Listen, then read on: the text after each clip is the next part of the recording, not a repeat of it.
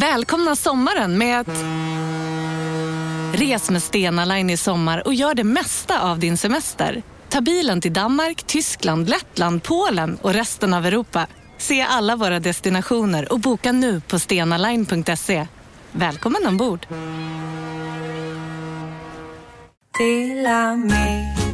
Hej! Är du en av dem som tycker om att dela saker med andra? Då kommer dina öron att gilla det här.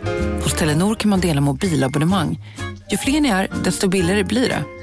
Skaffa Telenor familj med upp till sju extra användare. Välkommen till någon av Telenors butiker eller telenor.se. Kolla menyn. Vadå? Kan det stämma? 12 köttbullar med mos för 32 spänn. Mm. Otroligt! Då får det bli efterrätt också. Lätt! Onsdagar är happy days på IKEA. Fram till 31 maj äter du som är eller blir IKEA Family-medlem alla varmrätter till halva priset. Vi ses i restaurangen på IKEA. Du kan nu förhandslyssna på alla delar av den här serien hos Podmi. Där finns också ett helt nytt exklusivt avsnitt om Lucia-branden i Uppsala.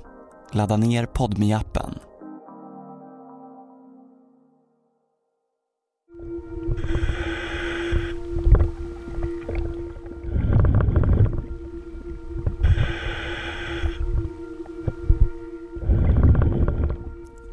en ljudupptagning från en av polisens dykare. Han simmar i ett brungrumligt vatten. Det är mörkt, svårt att se mer än den närmsta metern som ljuskäglan från hans ficklampa lyser upp. Ja, här har vi grop som inte jag har sett någonstans tidigare i alla fall. Över radion berättar han kontinuerligt om vad han ser längs botten.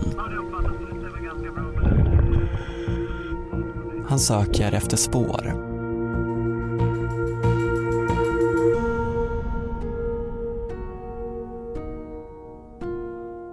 Jag heter Karl Fridsjö.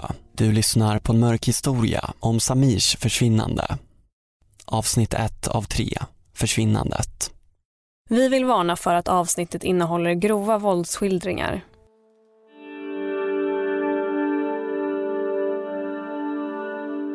Jag började ju märka av att han inte hörde av sig.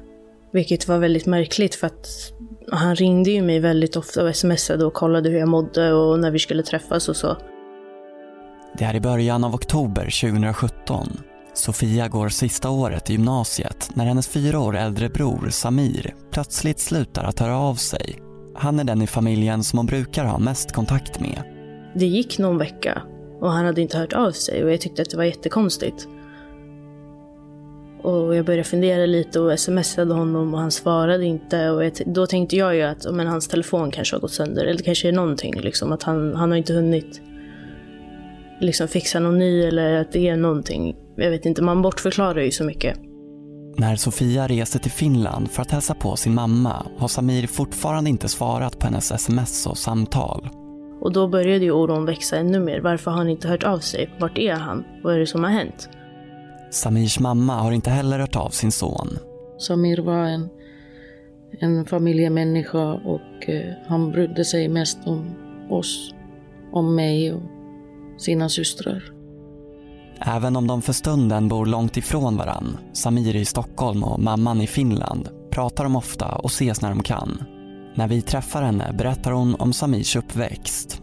Gentemot sina systrar så tog han den här papparollen eftersom pappan var inte med i bilden och han var väldigt mån om oss, att vi ska ha det bra. Trots att han själv hade det dåligt men det var alltid att vi ska ha det bra. Syskonen växte upp utan en närvarande pappa men bandet sinsemellan är starkt. Lilla syster Sofia. Han var min förebild. Han var alltid den personen jag såg upp till. När vi var små så var det ju liksom, vi hade ju... Det var ju bara jag, min mamma, syster och han. Uh, och eftersom att jag och han hade närmare i ålder så var vi väldigt nära. Han liksom tog hand om mig, han lekte med mig, vi gjorde massa grejer. Han var min bästa vän då. Det blir mamman som följer med Samir på fotboll, innebandy och kickboxning. Och trots att hon är ensamstående hittar familjen också tid för att umgås. Vi spelade jättemycket Monopol gjorde vi med mamma. Och han vann ju alltid. Och hon, det slutade alltid med att hon gick i konkurs och han satt där och viftade med sina pengar i mitt ansikte. Så att vi gjorde allt möjligt. Gjorde vi. Men nu går det inte att nå Samir. Familjens samtal lämnas obesvarade och ingen vet varför. Finns det någon som vet var Samir är?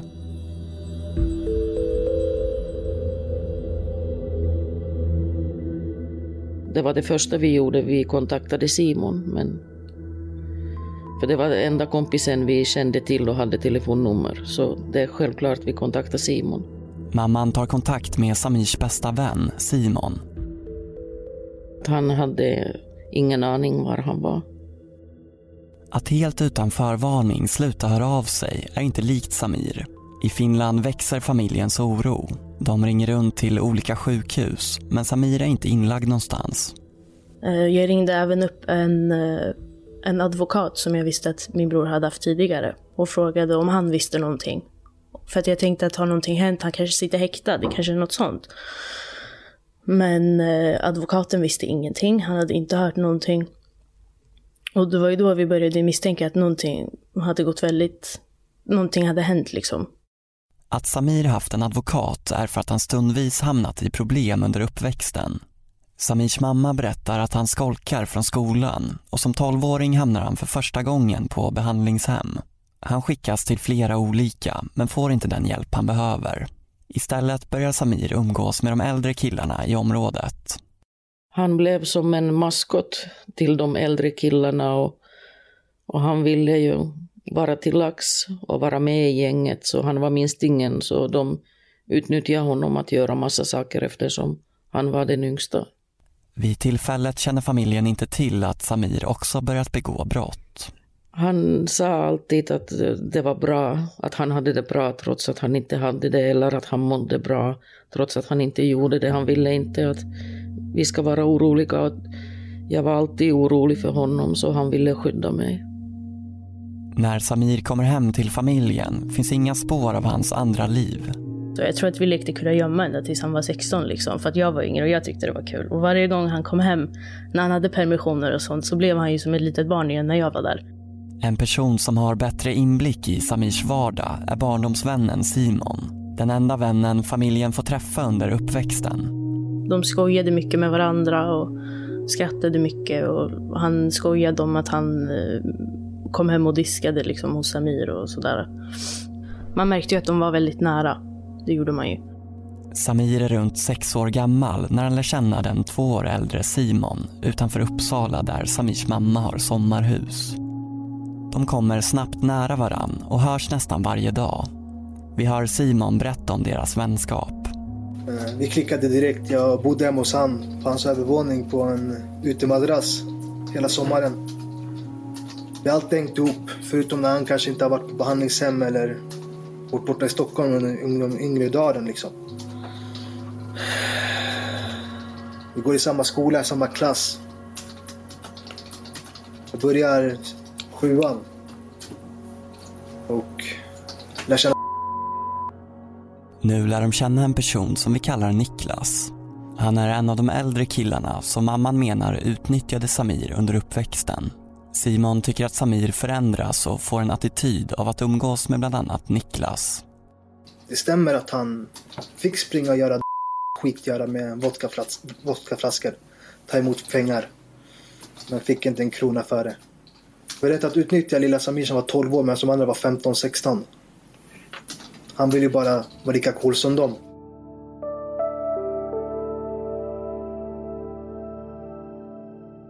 Från Finland försöker Samirs mamma och syster desperat få tag på någon som vet vart Samir finns. Eftersom bästa vännen Simon säger att han inte vet något ser mamman bara en annan utväg. Jag sa att jag ville kontakta polisen och göra anmälan att Samir är försvunnen så När mamman nämner att hon vill kontakta polisen berättar Simon sin teori om varför Samir inte går att nå. Och han sa att nej, anmäl inte, gör ingenting. För att om Samir håller sig undan så kommer han bli arg. Om ni anmäler honom och, och liksom det är något sånt. Han menar att Samir dragit på sig skulder från kriminella personer och därför håller sig undan. Men det går inte ihop med Samirs mammas bild av sin son och inte heller beteendet, att försvinna utan så mycket som ett spår. det var så förvirrande tid att jag jag tänkte att det kanske, trots att, trots att jag visste att han inte skulle lämna oss, men ändå tänkte jag att det kanske finns någon allvarlig förklaring att han har inte hunnit kontakta oss och han måste skydda sig själv eftersom han kände kriminella enligt Simon. När Simon sa det, och eftersom att han kände honom så bra så lät det ändå lite logiskt att han kanske håller sig undan. Det kanske är så. Och då vill man ju inte göra en anmälan om han håller sig undan med flit. Och, det, och han, ja men vad ska vi göra? Då kan vi inte anmäla. Så det var ju därför själva anmälan tog så lång tid. På inrådan av Simon bestämmer sig familjen för att avvakta med polisanmälan. Om det Simon berättar stämmer vill de inte riskera att Samir ska hamna i fler problem. Samtidigt förbryllas de över att han försvinner just nu. Han hade precis fått ordning i sitt liv och efter lång tid att leva i hemlöshet så hade han fått sin lägenhet. Efter en trasslig ungdomstid hade Samirs liv tagit en positiv vändning. Vid 22 års ålder hade han fått både en praktikplats och hjälp av socialen med en egen lägenhet i en Stockholmsförort. Han var så glad och stolt över och han tog emot praktikplatsen bara att göra oss glada och stolta och han mässade mig flera gånger och pratade om det, att hur stolt jag skulle vara över honom och gamlingarna på jobbet var så stolta och sa att han var så duktig och trevlig där. Så att han hade precis, precis äntligen fått ordning i sitt liv. För sin syster Sofia visar Samir stolt upp sin nya lägenhet och hon kommer flera gånger och hälsar på. Och så var det någon gång han liksom öppnade kylen och frysen och visade vilka mat han hade och, och sa att ah, men kom hit någon dag så ska jag göra det här och vi ska äta det här tillsammans. Och, och han var så himla glad över allting.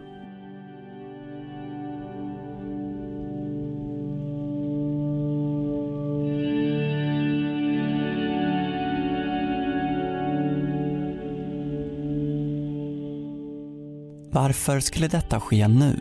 Och om Samirs försvinnande är frivilligt, varför ger han inte familjen ett livstecken? Den 2 november 2017 kan Samirs mamma inte vänta längre. Det har gått en månad sedan familjen sist hörde av Samir. Hon stiger på flygplanet mot Sverige. Hon måste hitta sin son och vara nära sina döttrar.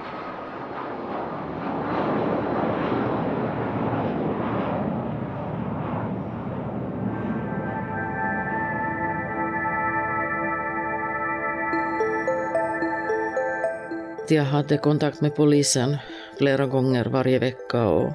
Den 14 november 2017 anmäler mamman Samir som försvunnen. De hade en teori att Samir har blivit kidnappad. För polisen i söderort berättar hon att han omöjligt kan hålla sig undan frivilligt. Det har gått för lång tid. De, de sa inte så mycket men det, de hade bara teorin eftersom jag sa så starkt att han skulle aldrig lämna oss frivilligt. Aldrig någonsin. Så där kom teorin att han har blivit kidnappad. Och sen kunde de inte säga mer. När polisen tar sig in i Samirs lägenhet ligger en stor hög post innanför dörren. Lite kläder och matrester står framme. Det ser inte ut som att någon har packat en väska och gett sig av. Det dröjer ytterligare två veckor innan en brottsutredning om olaga frihetsberövande inleds. Men poliserna har inte mycket att gå på. De har hållit förhör med mamman och systrarna. De har hållit förhör med eh, Simon och alltså gjort precis det man kan tänka sig göra egentligen. Men det har inte kommit fram någonstans. Ove Dahlberg har jobbat som polis i 45 år och är nu spaningsledare vid enheten för grova brott i Region Mitt, Uppsala. Han kommer i ett senare skede att kopplas in i ärendet. Ove menar att poliserna i söderort gör det de kan för att försöka hitta Samir. Men det finns en sak som frustrerar honom. Att vi, där, vi kunde inte göra någon historik, alltså eh, elektronisk historik i det här ärendet överhuvudtaget. Söderort hade gjort det, en del utav det. Vid den här tiden har telefonoperatörerna ingen skyldighet att lagra data från mobilanvändning. Hos vissa operatörer har polisen bara 30 dagar på sig innan datan raderas. Och det är någonting som stör mig nu alldeles infernaliskt. Men det är något som ett år senare förändras när en ny omdebatterad datalagringslag träder i kraft. Det är bra att värna om, om eh, den personliga integriteten, det har jag absolut ingenting emot. Men vilkens integritet ska vi värna om? Är det de som har eh, är de våra, in, vår integritet eller är det de misstänktas integritet? Mycket av Samirs data, den som kanske hade kunnat leda polisen framåt, finns inte kvar hos operatören när utredningen väl startar. Hade de varit en vecka tidigare så hade det funnits mycket större möjligheter.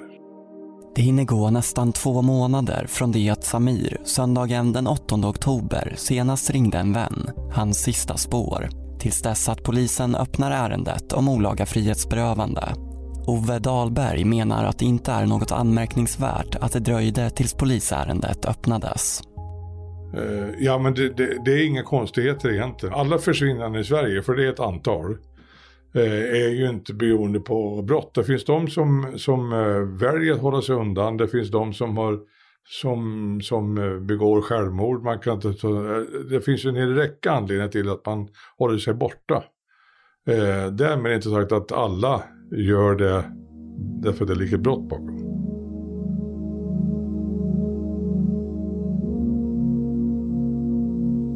Vi tänkte ju alltid att nej, men han klarar sig alltid. Vad som än händer, han klarar sig. För att han var en sån person, han klarade vad som helst.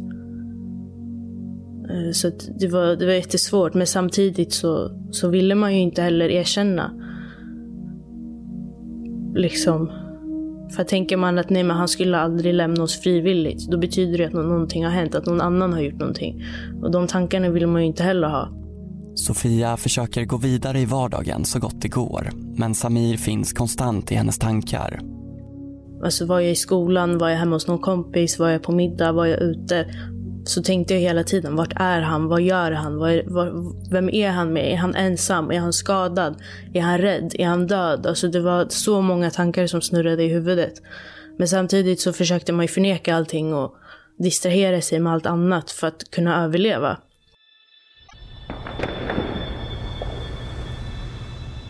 Det har hunnit bli januari 2018 och ett nytt år tar sin början. Bara på Storytel. En natt i maj 1973 blir en kvinna brutalt mördad på en mörk gångväg. Lyssna på första delen i min nya ljudserie. Hennes sista steg av mig, Denise Rubberg. Inspirerad av verkliga händelser. Bara på Storytel. Det där var för att uppmärksamma er på att McDonalds nu ger fina deals i sin app till alla som slänger sin takeaway förpackning på rätt ställe. Även om skräpet kommer från andra snabbmatsrestauranger som exempelvis Ma... Eller till exempel Burger... En yogamatta är på väg till dig, som gör att du för första gången hittar ditt inre lugn och gör dig befordrad på jobbet men du tackar nej för du drivs inte längre av prestation. Då finns det flera smarta sätt att beställa hem din yogamatta på. Som till våra paketboxar till exempel. Hälsningar Postnord.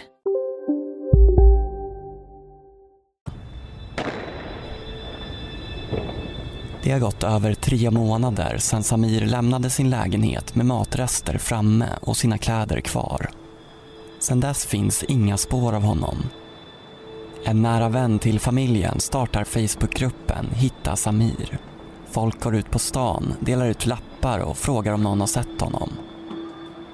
Så att, ja, man, gick, man levde ju på hoppet och gick runt och väntade och väntade och väntade på att han skulle dyka upp igen.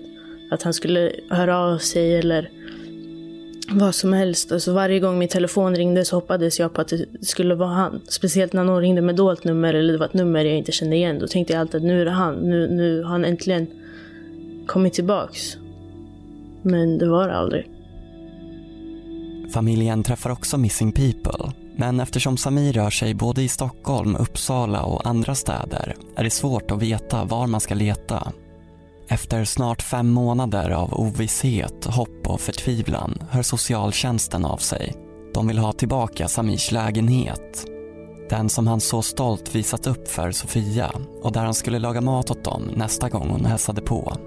Så fick vi gå dit och packa ihop allting och städa lägenheten och det var fruktansvärt.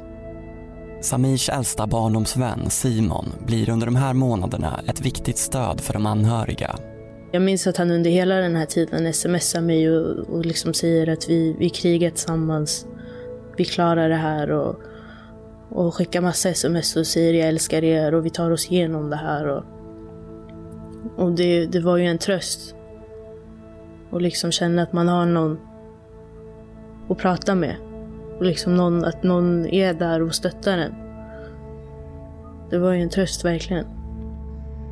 Han och en av hans bröder hjälper familjen att städa ur lägenheten och packa ner Samirs saker i flyttlådor. De enda spår av Samir som de anhöriga lämnas kvar med bärs ut. Det var fruktansvärt att vara där och packa ihop det. Kändes att nu har alla bestämt att han kommer aldrig tillbaka och det var så slutgiltigt att det, det var fruktansvärt. Och jag ville inte städa någonting för jag ville inte ta bort liksom. För Samir hade rört allting och det kändes att jag bara städade bort hela han. Allt mamman vet är att Samir tycks ha lämnat lägenheten och sen aldrig återvänt. Ändå känns städandet slutgiltigt. Som att hon sett sin son för sista gången.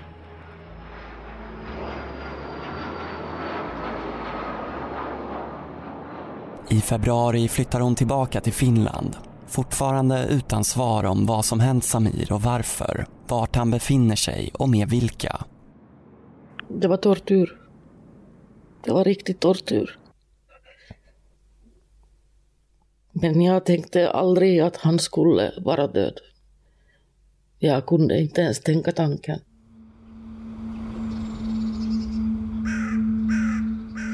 Det är vår. Isen och snön har smält och ett äldre par flyttar ut för säsongen till sin stuga vid Lafssjön. En liten sjö i skogen ungefär en halvtimme med bil norr om Uppsala. På sommaren en plats dit folk åker för att bada. Resten av året är det folktomt, bortsett från en fiskeklubb och jägare som rör sig i området. Jag har aldrig varit där förut. Spaningsledare Ove Dahlberg. Det är en badbrygga ut och det är en sandstrand och det är lite badhytter och några platser att grilla på. Och eh, så tvärs över sjön så är det, eller ja, på samma sida som man, när man kommer dit ner. Där eh, ligger ett hus. Ifrån det huset har man observerat någonting som låg i vattnet. Ute på sjön ser sommarstugegästerna ett grått bylte flyta runt. De förvånas över att det fortfarande är kvar eftersom de sett det flytta runt där ett halvår tidigare på hösten. Kvinnan i paret bestämmer sig för att ro ut med båten för att se vad det är för något. Man ser gott och väl att det är en kropp och man kan identifiera vissa delar på kroppen. Men i övrigt är han ganska illa tilltygad. Han är mördad. Det råder ingen tveksamhet om den saken. Sveriges Radio, Aftonbladet och Expressen rapporterar. Idag undersöker polisen området kring sjön Lafsen nära Vattholma utanför Uppsala där en människokropp hittades igår eftermiddag. Mannen ska ha varit försvunnen sedan i oktober 2017. Det här uppger polisen. Men säger också att man i nuläget inte kan lämna fler detaljer om vad exakt det är det här handlar om. Det är Samirs kropp som hittas flytande i Lafssjön den 14 maj 2018, mer än ett halvår efter att han försvunnit. Kroppen är paketerad i åtta sopsäckar, ihoptejpad och ihopbunden. En av sopsäckarna innehåller omkring 10 kilo sand. Anledningen till att man sänker en kropp i en sjö är ju inte att den ska liksom flyta upp. Utan den ska ju helt enkelt försvinna. Det är det som är tanken med det hela.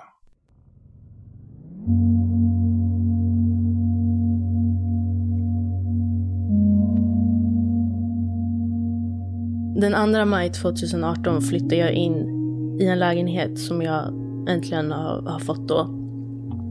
Um, och då känner jag någonstans att nu, nu kanske det vänder, nu kanske det börjar hända bra grejer. Efter att Samir försvann har Sofia kämpat med vardagen. Relationen med hennes pojkvän har tagit slut. Hon har haft svårt att sova och tvingats flytta runt mellan vänner.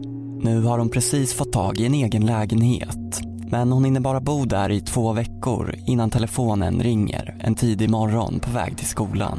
Och jag har precis gått, gått ut liksom, är på väg till tunnelbanan. Och så ringer telefonen. Och då är det ju en eh, kvinna från polisen som vi har pratat med tidigare. som ringer och frågar vart jag är någonstans. Och jag blir helt ställd och förstår inte alls vad hon pratar om. Och, och så frågar hon mig om... eh, Eller jo, hon säger så här. eh, Att det gäller Samir. Sofia förstår inte vad poliskvinnan i telefonen menar.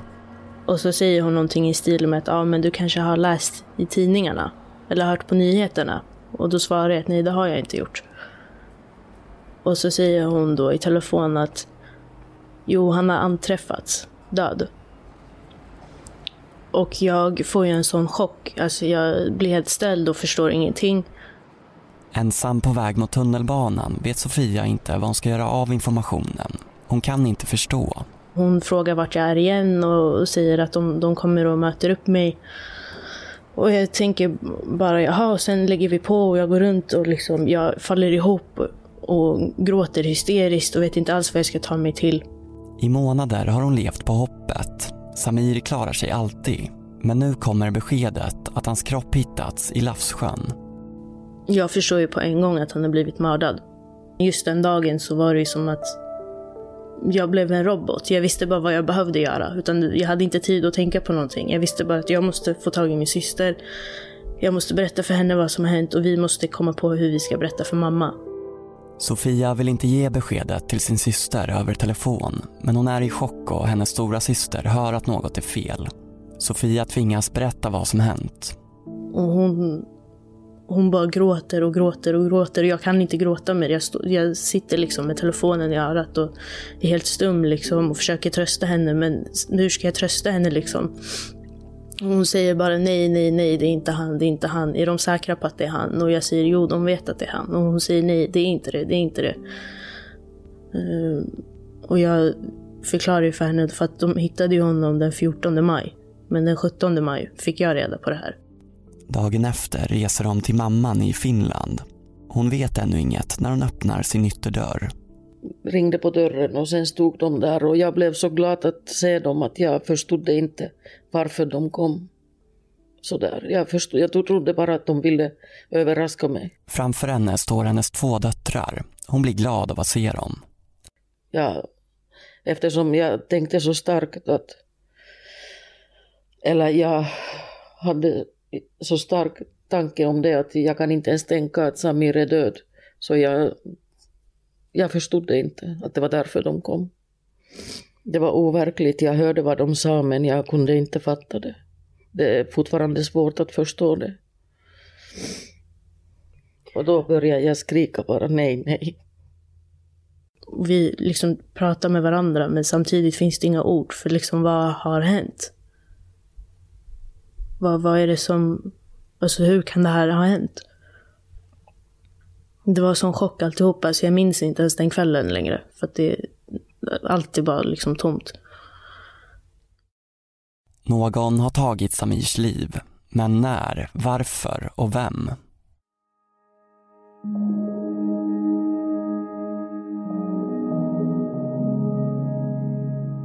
Det var ju så svårt liksom att veta vilka av hans vänner man kunde lita på och vem, vem vi skulle ha där och så var det så svårt att liksom ens ha kontakt med någon överhuvudtaget. Och vi tänkte ju samtidigt att vi ville ha en stängd begravning. Vi vill ha bara de närmsta, bara familjen. I Uppsala har det börjat gå rykten om vem eller vilka som skulle kunna ligga bakom mordet på Samir. Det är fruktansvärt att höra dem och sen att se Samirs bild och läsa på tidningar om Samirs mord. Det, det känns att jag dör lite varje gång. Det är jättejobbigt. När familjen planerar begravningen vet de inte vem de kan lita på. De vill inte riskera att någon som kanske varit inblandad är med under ceremonin. Tänk om vi har en begravning och det kommer folk och ser mördaren där. Vi kan inte göra det. Vi kan inte ha mördaren bland oss på begravningen. Det går inte. Så vi tänker att vi, vi bjuder inte någon. Vi har bara familjen och Simon då. Eftersom att han var en del av familjen. Han, han är ju barndomsvännen. Så att han, och han har ju varit med oss och hjälpt till så mycket och han har ju funnits under hela processen och stöttat oss och tröstat oss och hjälpt till med flytten och mammas flytt hit och att flytta alla Semirs grejer. Och så vi, för det var ju en självklarhet att han skulle få vara med.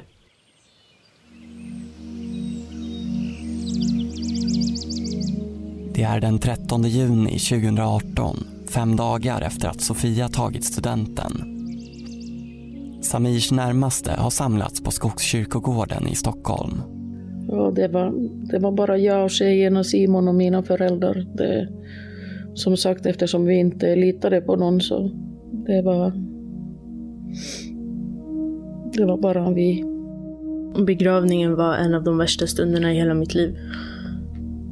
Det var, jag har aldrig gått på en begravning innan det, så det var min första. Jag visste inte alls hur jag skulle reagera eller hur det skulle se ut eller vad som skulle hända. Men det var fruktansvärt jobbigt. Rummet där den stängda ceremonin hålls är litet. Det är bara den direkta familjen och bästa vännen Simon som är där. Samir begravs enligt muslimsk tradition där kroppen tvagas och sen lindas in i lakan. Och så var det ju den här eh, ceremonin då där inne. Och de, de lyfter på liksom locket på den här kistan då.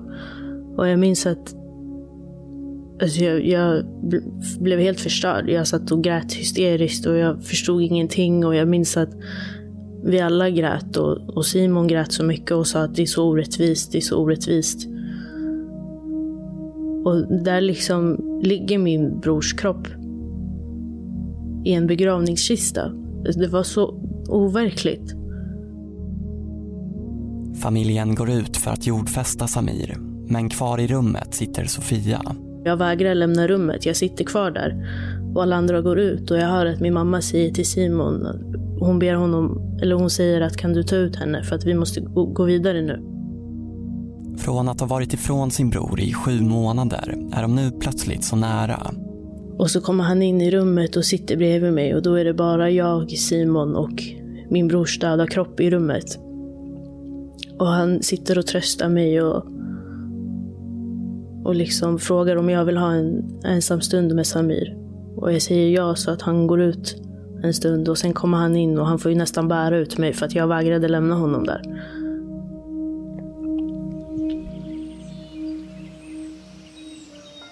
Till slut tvingas Sofia tillbaka ut i sommarvärmen. Hon och familjen är fortfarande ovetandes om varför Samir mördats och de vet inte att det finns en person i deras närhet som har svaret.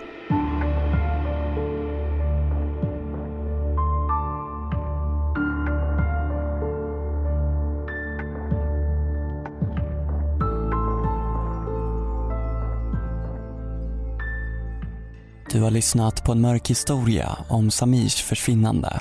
Del 1 av 3. Producent var Ellen Hammarskjöld och jag heter Karl Fridsjö. Du som inte vill vänta på nästa del kan lyssna direkt på hela serien hos Podme. Där har vi även släppt ett nytt exklusivt avsnitt om Lucia-branden i Uppsala. Här är ett kort utdrag från programmet. Eh, det var rökfyllt ända ner till golvet. Om man säger, hade liksom noll sikt när jag gick in. Rökdykaren Tobias Berglund har just tagit sig in i en brinnande lägenhet i Uppsala. Röken är tjock, kolsvart. Två andetag utan skyddsmask kan vara tillräckligt för att göra en medvetslös. Han rör sig in längs väggen. Jag försökte också få upp det vänstra fönstret som var ett större fönster. Jag fick upp det också i vädringsläge. Men jag fick inte upp det helt och hållet. Då fortsatte jag istället att söka vidare i, i rummet. En stund tidigare har grannar larmat brandkåren. De har hört hostningar och ljud som kommit inifrån den brinnande bostaden. Börjar skrika in dit och banka lite på dörren och fråga vad som händer. Och jag får eh, inget tydligt svar från den mansrösten jag hör där inne. Men eh, försöker, försöker be honom öppna dörren. Eh, det går inte, vi rycker lite själva också, får inte upp den. Och han säger att den har gått i baklås.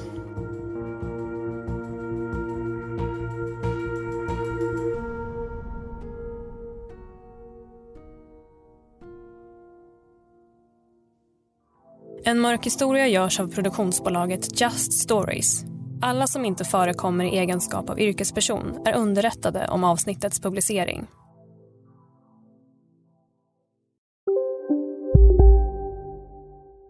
Demideck presenterar Fasadcharader. Dörrklockan. Du ska gå in där. Polis? Effektar? Nej, tennis tror jag. Pingvin. Alltså jag fattar inte att ni inte ser. Va? Nymålat. Men det var många år sedan vi målade. Demideckare målar gärna, men inte så ofta. Hej, Susanne Axel här. När du gör som jag och listar dig på en av Krys vårdcentraler får du en fast läkarkontakt som kan din sjukdomshistoria. Du får träffa erfarna specialister, tillgång till lättakuten och så kan du chatta med vårdpersonalen. Så gör ditt viktigaste val idag, lista dig hos Kry. Nej. Dåliga vibrationer är att gå utan byxor till jobbet. Bra vibrationer är när du inser att mobilen är i bröstfickan. Få bra vibrationer med Vimla. Mobiloperatören med Sveriges nöjdaste kunder enligt SKI.